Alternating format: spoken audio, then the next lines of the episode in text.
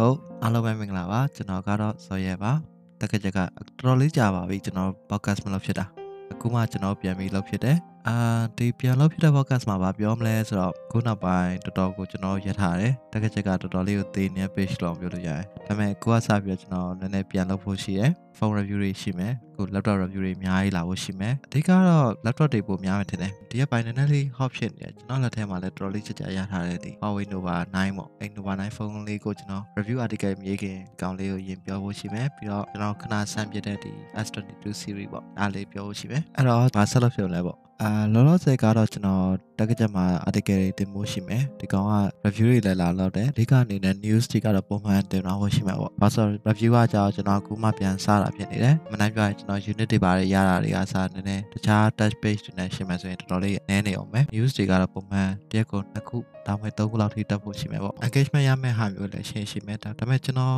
ပုံမှန်လုပ်ချင်တဲ့ဟာကြတော့ဘယ်လိုမျိုးလဲဆိုရင်နည်းနည်းကျွန်တော်စိတ်ဝင်စားတဲ့ဟာမျိုးနည်းနည်းတက်ကြည့်ဖြစ်တဲ့ဟာမျိုး အဲ့လိုမျိုးတွေကိုပို့ပြီးတော့ဦးစားပေးလောက်တယ်။ဂျာ engagement ရှာတဲ့ post တွေကတော့ရှိတော့ရှိနိုင်တယ်ဒါပေမဲ့နည်းလောက်တယ်။ပြီးတော့ကျွန်တော်ဒီ product ပိုင်းတွေမှာ review ကတော့ကျွန်တော်လုံးဝအခုချိန်ထိကိုကျွန်တော်အားဒီ fully 100%ကျွန်တော် opinion ပဲ။ဒါပေမဲ့တကယ်လို့လုပ်ဖြစ်တဲ့ project တွေပါရှိရဲ company နဲ့လုပ်ဖြစ်တဲ့ဆိုရင်ကျွန်တော်ဒီကောင်က feature article ဒါမှမဟုတ်လည်းကျွန်တော် impression ပုံစံမျိုးကိုတော့ကျွန်တော်ဒီ project တွေလုပ်ဖြစ်တာမျိုးရှိလောက်တယ်။ review အနေနဲ့ကတော့ကျွန်တော်ကတော့လုံးဝ company နဲ့ပဲညှိပြီးတော့ကို opinion ဒီ100%ကိုမြင်မယ်ပြောနိုင်တဲ့အထိအဲ့လိုအဲ့လို agreement ရတော့မှပဲကျွန်တော်လုပ်တာပိုများပါတယ်။ကိုနည်းနည်း controversial ဖြစ်နေဒီ Huawei Nova 9လည်းအဲ့တိုင်းပဲအဲကျွန်တော်လုပ်ဖြစ်တယ်ဆိုတာလည်းသူကအရင်နေ့တွေလူလည်းဖြစ်တယ်ပြီးတော့ကိုယ့်အကိုစိတ်ကြိုက်လို့ရတယ်သူတို့ဒီ content control အလောက်ကြီးမလုပ်ဘူးလို့ပြောထားတယ် review မှာကျွန်တော်စိတ်ကြိုက်ရေးခွင့်ရှိရပြီးတော့ဒီ feature ဒီကဲတော့မှသူတို့က content control လုပ်တာတော်တော်မရှိတလောက်ကိုတော့ပြောလို့ရတယ်ဒီတပုံလေးတပုံလောက်ဒီမကြည့်လို့ပြင်ခိုင်းတာမျိုးလောက်ပဲရှိတယ်ဒီ content control မရှိတဲ့ budget တွေလောက်ရတာပို့ပြီးတော့နည်းနည်း fan for ဖြစ်တယ်အာ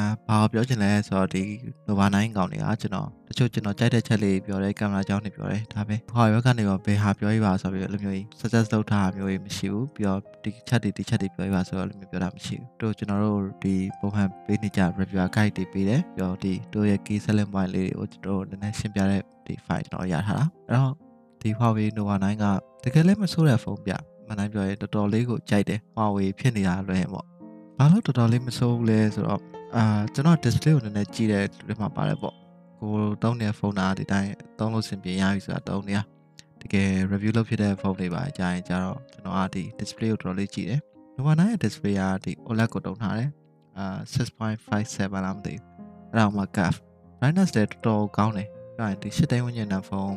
ဈေးကတော့ Xiaomi နဲ့ရှင်တော့များတာပေါ့ဒါပေမဲ့တခြားဒီ Galaxy A series ဘောင်းနဲ့ရှင်လိုက်တဲ့ဆိုတော်တော်ကောင်းတယ်ပြီးတော့ 120 Hz ရတယ်တကယ်လည်းတော်တော် smooth ဖြစ်တယ် saturated ဖြစ်သွားတာမျိုးလည်းမဟုတ်ဘူး Samsung ဖုန်းတွေဆိုရင်ဥပမာ Galaxy S20 FE တို့တခြား A series OLED တောင်းတဲ့ဖုန်းတွေဆိုရင်ဒီနည်းနည်းလေး saturation များတယ်လို့ခံစားရတယ်ဒါပေမဲ့ဒီ Huawei Nova 9မှာအဲ့လိုမျိုး display က saturation များတယ်လို့မခံစားရဘူးတော်တော် color အကျွေးဖြစ်တယ်လို့ခံစားရတယ်ပြောရရင်ကျွန်တော် iPhone တွေသုံးနေတာပုံများတယ်အဲ့တော့ iPhone color နဲ့နေနေကိုတော့မှဒီကောင်ကတော်တော်လေးကိုဒီ natural sun နဲ့လို့ခံစားရတယ်ဗျာ ကျွန်တော်ကတော့မနိုင်ပြောရဲဖုန်းတွေမှာခုနောက်ပိုင်း performance ကိုအရင်ကြီးမကြည့်တော့ဘူးလို့တော့ပြောလို့ရတယ်။ဘာလို့ဆို performance တွေကလုံလောက်တယ်လို့ပြောလို့ရတဲ့ level တစ်ခုရောက်နေပြီ။ Dragon 690ပဲဖြစ်ဖြစ်တောင်မလဲ680တောင်မလဲဒီ7 series 7 series ဆိုတာဒီ778တို့780တို့ဒီ800 series အကုန်လုံးနေနေကဘယ်လိုတော့တော့စင်ပြဲ level တစ်ခုတော့ရောက်နေပြီ။အဲ game ကြာကြီးဆောလို့ heat data မျိုးတွေရရှိမယ်။နည်းနည်းလေးပို့ပြီးတော့ smooth ဖြစ်တာရှိလောက်တယ်။ကျွန်တော်ကလည်း heavy game မှာမဟုတ်ဘူး။သူတစ်ပြင်း mobile မှာပေါ့။ mobile မှာကျွန်တော်အလုပ်ကြီး e-sport ဆန်တဲ့ game တွေလည်းတခြားမဆော့ပြဘူး။ဒီ mobile ပိုင်းလည်းကျွန်တော်အလောက်မဆော့တော့ပုံမှန်သုံးတဲ့ချိန်ဒီ Need for Speed တို့တခြား Aspen 9တို့ပြီးတော့ကျွန်တော်ဒီ Software Vainglory တို့အဲ့လိုမျိုး game တွေမှာဆိုရင်တော်တော်အဆင်ပြေတယ်။ပြောရရင်ဒီ Huawei Nova 9ရဲ့ဒီ Snapdragon 778ကတော်တော်လေးကိုအဆင်ပြေလို့ပြောလို့ရတယ်။ပြီးတော့တခြားဖုန်းတွေနဲ့ရှင်ပြီးတော့ Play နဲ့တစ်ချက်ပေါ့။အဲ့ဒါကဘာလဲဆိုရင်ဒီကောင်က 5G မရအောင် 5G မရတာဘာကြောင့်လဲဆိုတော့ကျွန်တော်သိပြီးသားပဲလို့ထင်တာပဲကျွန်တော်တော့မသိသေးဘူးဆိုတော့ကျွန်တော်ဒီမှာထပ်ပြောမယ်။ Huawei ကဒီ Snapdragon chip တွေကိုတုံးဖို့အတွက်က 5G ကိုသူ wide မရဘူးပေါ့ 5G ဆိုရင်သူကဘန်ခံရအောင်မယ်ဆိုတော့ list မှာပါတော့မယ်အဲ့တော့ 4G ကိုပြောင်းတော့တယ် 4G နဲ့ 5G ဘာကွာလဲလို့ကျွန်တော်လာမင်း 5G ကျွန်တော်ဒီမှာတောင်းလို့မရတဲ့တည်းပေါ့ 5G ရနေတယ်ဘာမှတော့မထူလို့မြင်တယ်အခုလိုမျိုး 4G တောင် wide data ဈေးရရင်ထက်နှစ်ဆလောက်တက်နေတဲ့အချိန်မှာ 5G ရကွာလဲတော်တော်လေးကိုလွယ်တဲ့ချိန်နေလို့ပြောလို့ရဗျာအဲ့လိုမျိုးပြောနေတဲ့ဒီ 4G 5G ကိစ္စလည်းဒီနေရာမှာရှင်းတယ် 4G ဖြစ်နေလဲဒီ speed ပဲ 5G ဖြစ်နေဒီ speed ပဲ အဲ့စားကျွန်တော်ဒီ Snapdragon 778ဖြစ်သွားတာကဘာတွေအတားပါလဲဆိုတော့ဒီမှာ Wi-Fi 6ကိုတုံးလို့ရတယ်ပြီးတော့ဒီ Bluetooth 4.2 Bluetooth 4.2 device ကတော့ကျွန်တော်မှမရှိဘူးဒါပေမဲ့ Wi-Fi 6တုံးလို့ရတာတော်တော်ကောင်းတယ်။ဘာလဲဆိုရင်ဒီ latency နည်းတဲ့ဟာတော်တော်လေးသိတာတယ်။တခြား frequency နဲ့မတူဘူးဗျာ။ဟို2.4တို့ 5GHz တို့ဒီကောင်းတွေကတုံးနေတာပဲ။ Wi-Fi 6မှာတုံးလိုက်တဲ့ကြောင့်2 bandwidth မှာဒီကျွန်တော် router ဆိုရင် Wi-Fi 6တုံးတဲ့ device ကအခုကျွန်တော် service တွေပါလည်းမရှိတော့ဘူးဆိုတော့ ဒီကောင်ရဲ့ကျွန်တော်ဖုန်းရဲ့အဲ့နှစ်ကလုံးမရှိမယ်ဒီတချို့ website တွေ browse လုပ်တဲ့အချိန်တွေပိုင်းမှာဒီတခြား device တွေများလို့ဒီကောင်က channel တွေဒီ limit ဖြစ်ပြီးတော့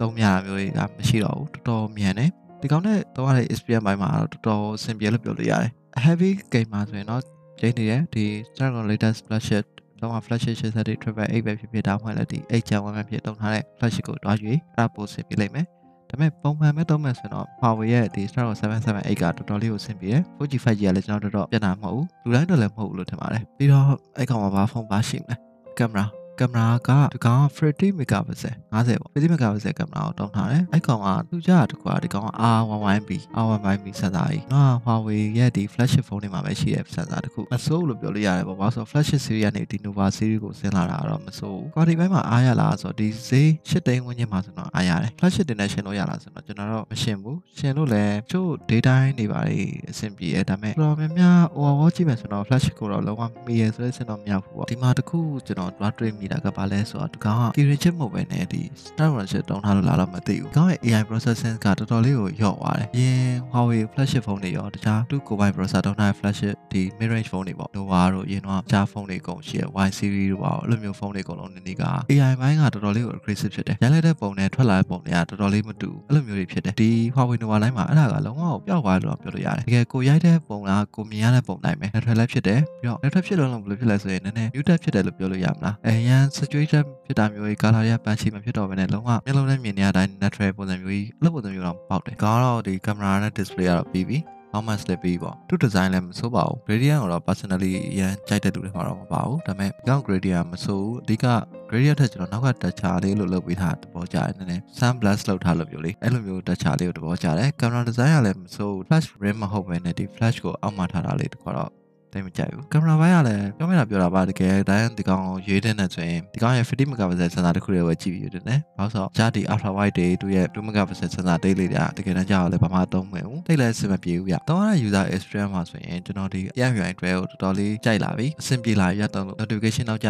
ရတခါလေတော့နည်းနည်းရှိတယ်တခါလေရှိရဆိုတော့ဒီကောင်က this sleep ပုံစံမျိုးအဲ့လိုမျိုး sleep ဖြစ်သွားတဲ့အချိန်မျိုးတွေဆိုရင်ပြန်ဖွင့်လိုက်မှ notification ကောက်ထက်တာမျိုးရှိတယ်ဒါပေမဲ့ပုံမှန်သုံးတဲ့အချိန်မှာတော့အဲ့လိုမျိုးမရှိဘူးတချို့ feature လေးမစိုးဘူးဥပမာ Celia AI ကတော့အခုထိတုံးလို့မရသေးဘူးဘူးဆင်လည်းမပြေသေးဘူးဒါပေမဲ့ဒီကောင်မှာ Celia keyboard ဆိုရပါလာတခုရှိတယ်ဒီကောင်က keyboard တော့ကျွန်တော်တို့နည်းနည်းပို့တော့ကြားတယ်လို့လဲဆိုရင်သူ့ရဲ့ haptic ကို ဒီကောင်က mechanical keyboard တစ်ခုလိုမျိုးရအောင် virtual လုပ်လို့ထားလို့ရတယ် linear version သုံးနေတာလားအဲ့လိုမျိုးဟာတွေအထီကိုရွေးလို့ရတယ်အဲ့တခုကမဆိုး Peter search ကတော့ကျွန်တော်တို့ဒီ app တုံးဖို့တက်ကလိုတော့မယ်ဘာလို့ဆိုတော့ဒီကောင်မှာတုံးထားတဲ့ app gallery ကထုံးစံတိုင်းဘာမှမဆိုးတိတ်လည်းစင်မပြေသေးဘူးပေါ့ဒါလည်းကျွန်တော်ကဒီ Google Play Store လိုမျိုးနဲ့တွားရှင်းနေလို့ပါခြားဒီ APK viewer တို့ဘာလို့နဲ့ယူလို့ရတယ်ဆိုတော့ကိုတုံးညင်တဲ့ app ကတော့တော်များသုံးလို့ရမယ်ချုပ် Google Service ဂိမ်းတွေလိုတဲ့ game တွေ software တွေပေါ့ Google Play game လိုတဲ့ software ဆိုတော့တုံးလို့ရမှာမဟုတ်ဘူးအဲ့တစ်ချက်ကတိတ်တော့မကြိုက်ဘူးပေါ့ဗျာဒါပေမဲ့ Huawei ကဒီလိုဘန်းခံထားတော့ပုံမှန်ဒီ Facebook တွေ social media တို့တခြား game တွေလောက်ပဲ source မယ်ဆိုတော့ဒီကောင်တော်တော်အဆင်ပြေတယ်။ Google တုံးလို့မရလားဆိုတော့လည်းမဟုတ်ဘူး။အခုနောက်ပိုင်းအဲ့ G Space ဆိုတဲ့ app တစ်ခုထွက်လာတယ်ပေါ့။အဲ့ G Space ဆိုတဲ့ app ကဒါပထမဆုံးဆန်ဖြစ်တာ။တုံးလို့ရတယ်။စင်တော်တော်ပြေတယ်။တခုပဲဒီ application နဲ့ဝင်ရင်ဒီကြော်ညာရေးကြည့်နေရတခုရှိမယ်။မကြည့်ချင်တော့ပတ်စံပေးပြီးတော့ဝယ်လို့ရတာပေါ့။ဒါပေမဲ့အဲ့ကြော်ညာကြည့်ရတာတခုကလည်းနည်းနည်းလေးအနွိုင်းဖြစ်တယ်။ဒီ Huawei Nova 9 Sun Motor နဲ့ကျွန်တော်ဒီကောင်ကိုတော့ပတ်စံပေးမွေဖြစ်လိုက်ဖို့။တကယ်လို့ဝယ်သုံးမဲ့လူတွေဆိုတော့ပတ်စံပေးပြီးတော့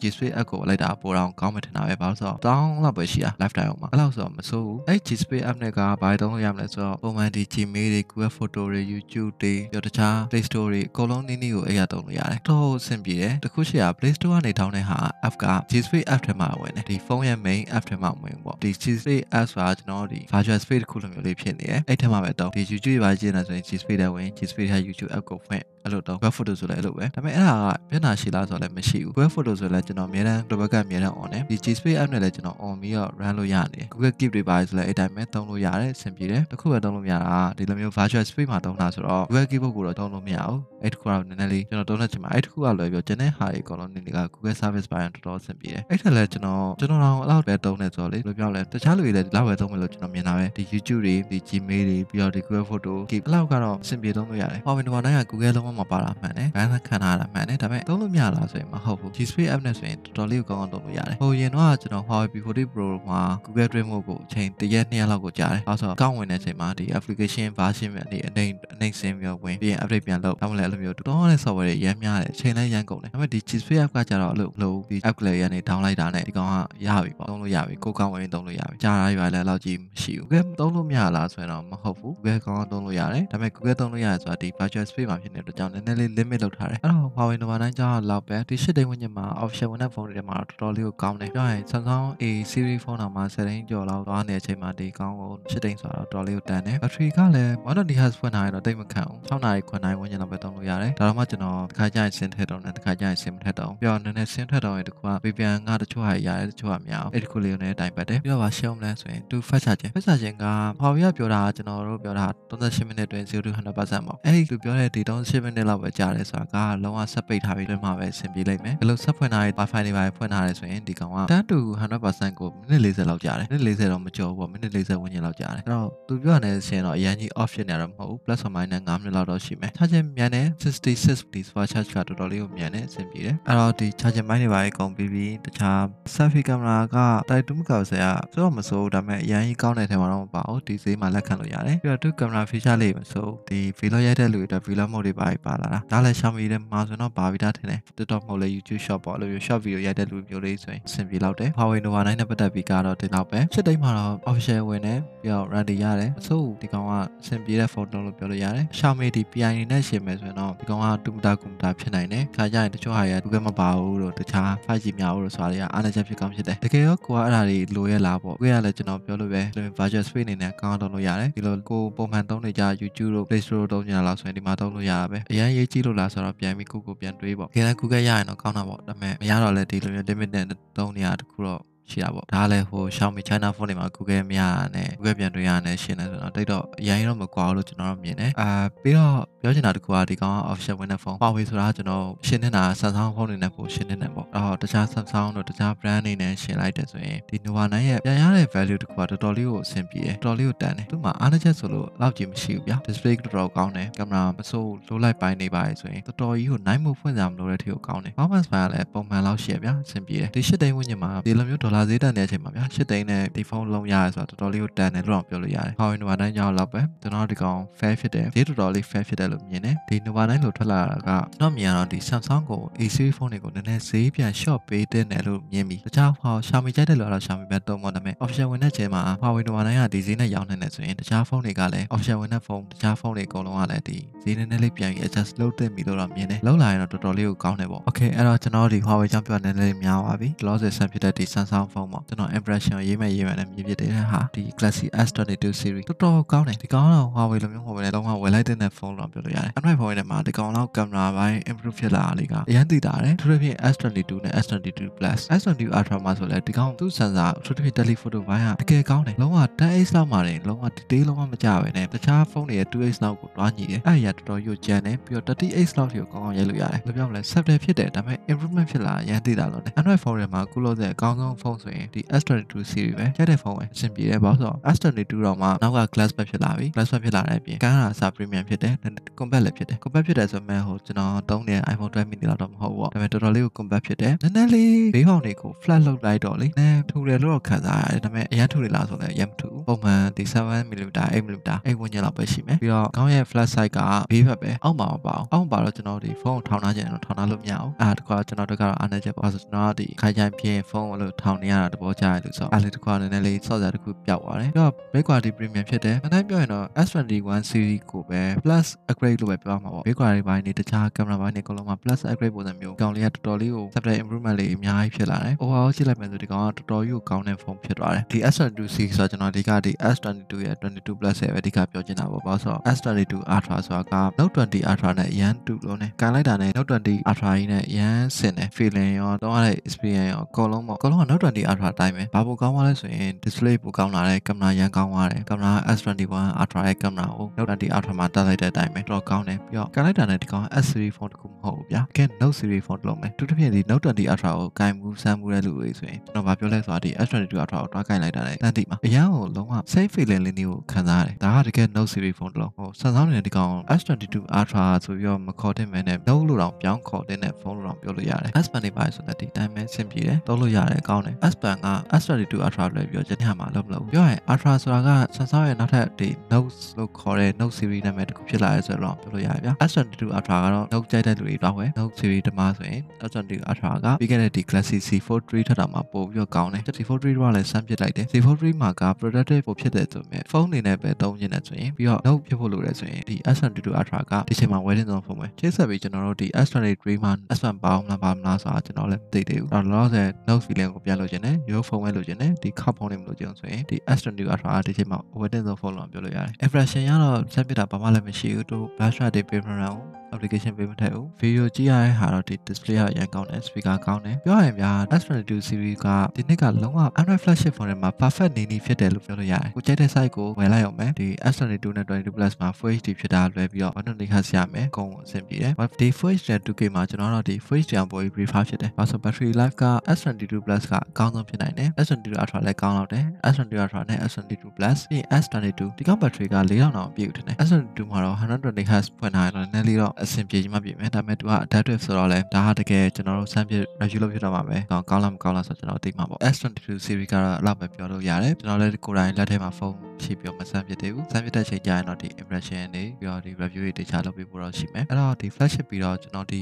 ကိုယ်တိုင်စမ်းပြတဲ့ဖုန်းလေးပေါ့ဒီ Samsung Galaxy A03 လုံးဝ S22 series နဲ့ပြောင်းပြန်ဈေးသက်သာဆုံးဖုန်းတော်လေးကိုမစိုးအဲ့ကောင်လဲ Galaxy A series ပေါ့ပြီးတော့ဒီသူ့ရဲ့အနိုင်ဆုံး series ကအမှန်တမ်းပြောရင်လူတိုင်းကိုကျွန်တော် recommend ပေးနေကြဖုန်းတွေတော့မဟုတ်ဘူးအခု A03 လဲတခြားဒီ Chinese brand တွေပြီးတော့ဒီတခြားသူဖြင့်ဒီ PI brand တွေ Xiaomi လိုမျိုးဖုန်းတွေနဲ့ရှင်းလိုက်တော့အားနေကောင်းအားနေလောက်တယ်ပေါ့ဒါပေမဲ့ official အနေနဲ့ Samsung ဖုန်းအနေနဲ့ဆိုရင်တော်လေးကိုပို့ပြီးတော့ကောင်းလာတဲ့ဖုန်းလို့တော့ကျွန်တော်မြင်တယ်နှစ်သိန်းခွက်တောင်းဝန်းကျင်လောက်မသိဘူးရှိတယ်ဈေးမစိုးဘူးပြရစီနဲ့ပြန်ရတဲ့ပုံစံတွေ design တွေ color တွေတွားတဲ့ပုံစံတွေဘာမှစေတော်တော်လေးကိုမစိုးကင်မရာလည်းမစိုး A03 လေးကကျွန်တော် review အောက်တခြားလုပ်ပြဖို့ရှိရယ်အခုလောဆယ်ကတော့ဒီကွာ Samsung ဖုန်းဖြစ်မှငါလူကြီးတွေဝယ်ပေးဖို့ Xiaomi တွေတခြားတရုတ် brand တွေဝယ်ပေးခြင်း brand ကောင်းကောင်း Samsung ပေးခြင်းနဲ့ဆိုရင်ဒီ A03 လေးကတော်လေးကိုပေးလို့ကောင်းတဲ့ဖုန်းလို့တော့မြင်တယ် Facebook တုံးတိုင်းဟန်းနေမှာတော့မဟုတ်တော့ဘူးဒီ social media ဘိုင်းတွေဘာတွေညာတွေဒီ YouTube ကြည့်တာတွေပါဆို AC သုံးလို့ရလာပြီစင်ပြေလာပြီဒါလည်းသူက Unisource SoC ကိုသုံးထားတယ်လို့ပြောထားပဲ Unisource ဘလောက်ကလေးကတော့ကျွန်တော် model number ကတော့မေးပါပြီအရင်တော့ Snapdragon 625တို့ပါတော့အဲ့လိုမျိုး high နဲ့ရှင်တော့အများကြီးပိုကောင်းတယ်ပေါ့အဲ့ဒါဆိုရင်ကျွန်တော်အခု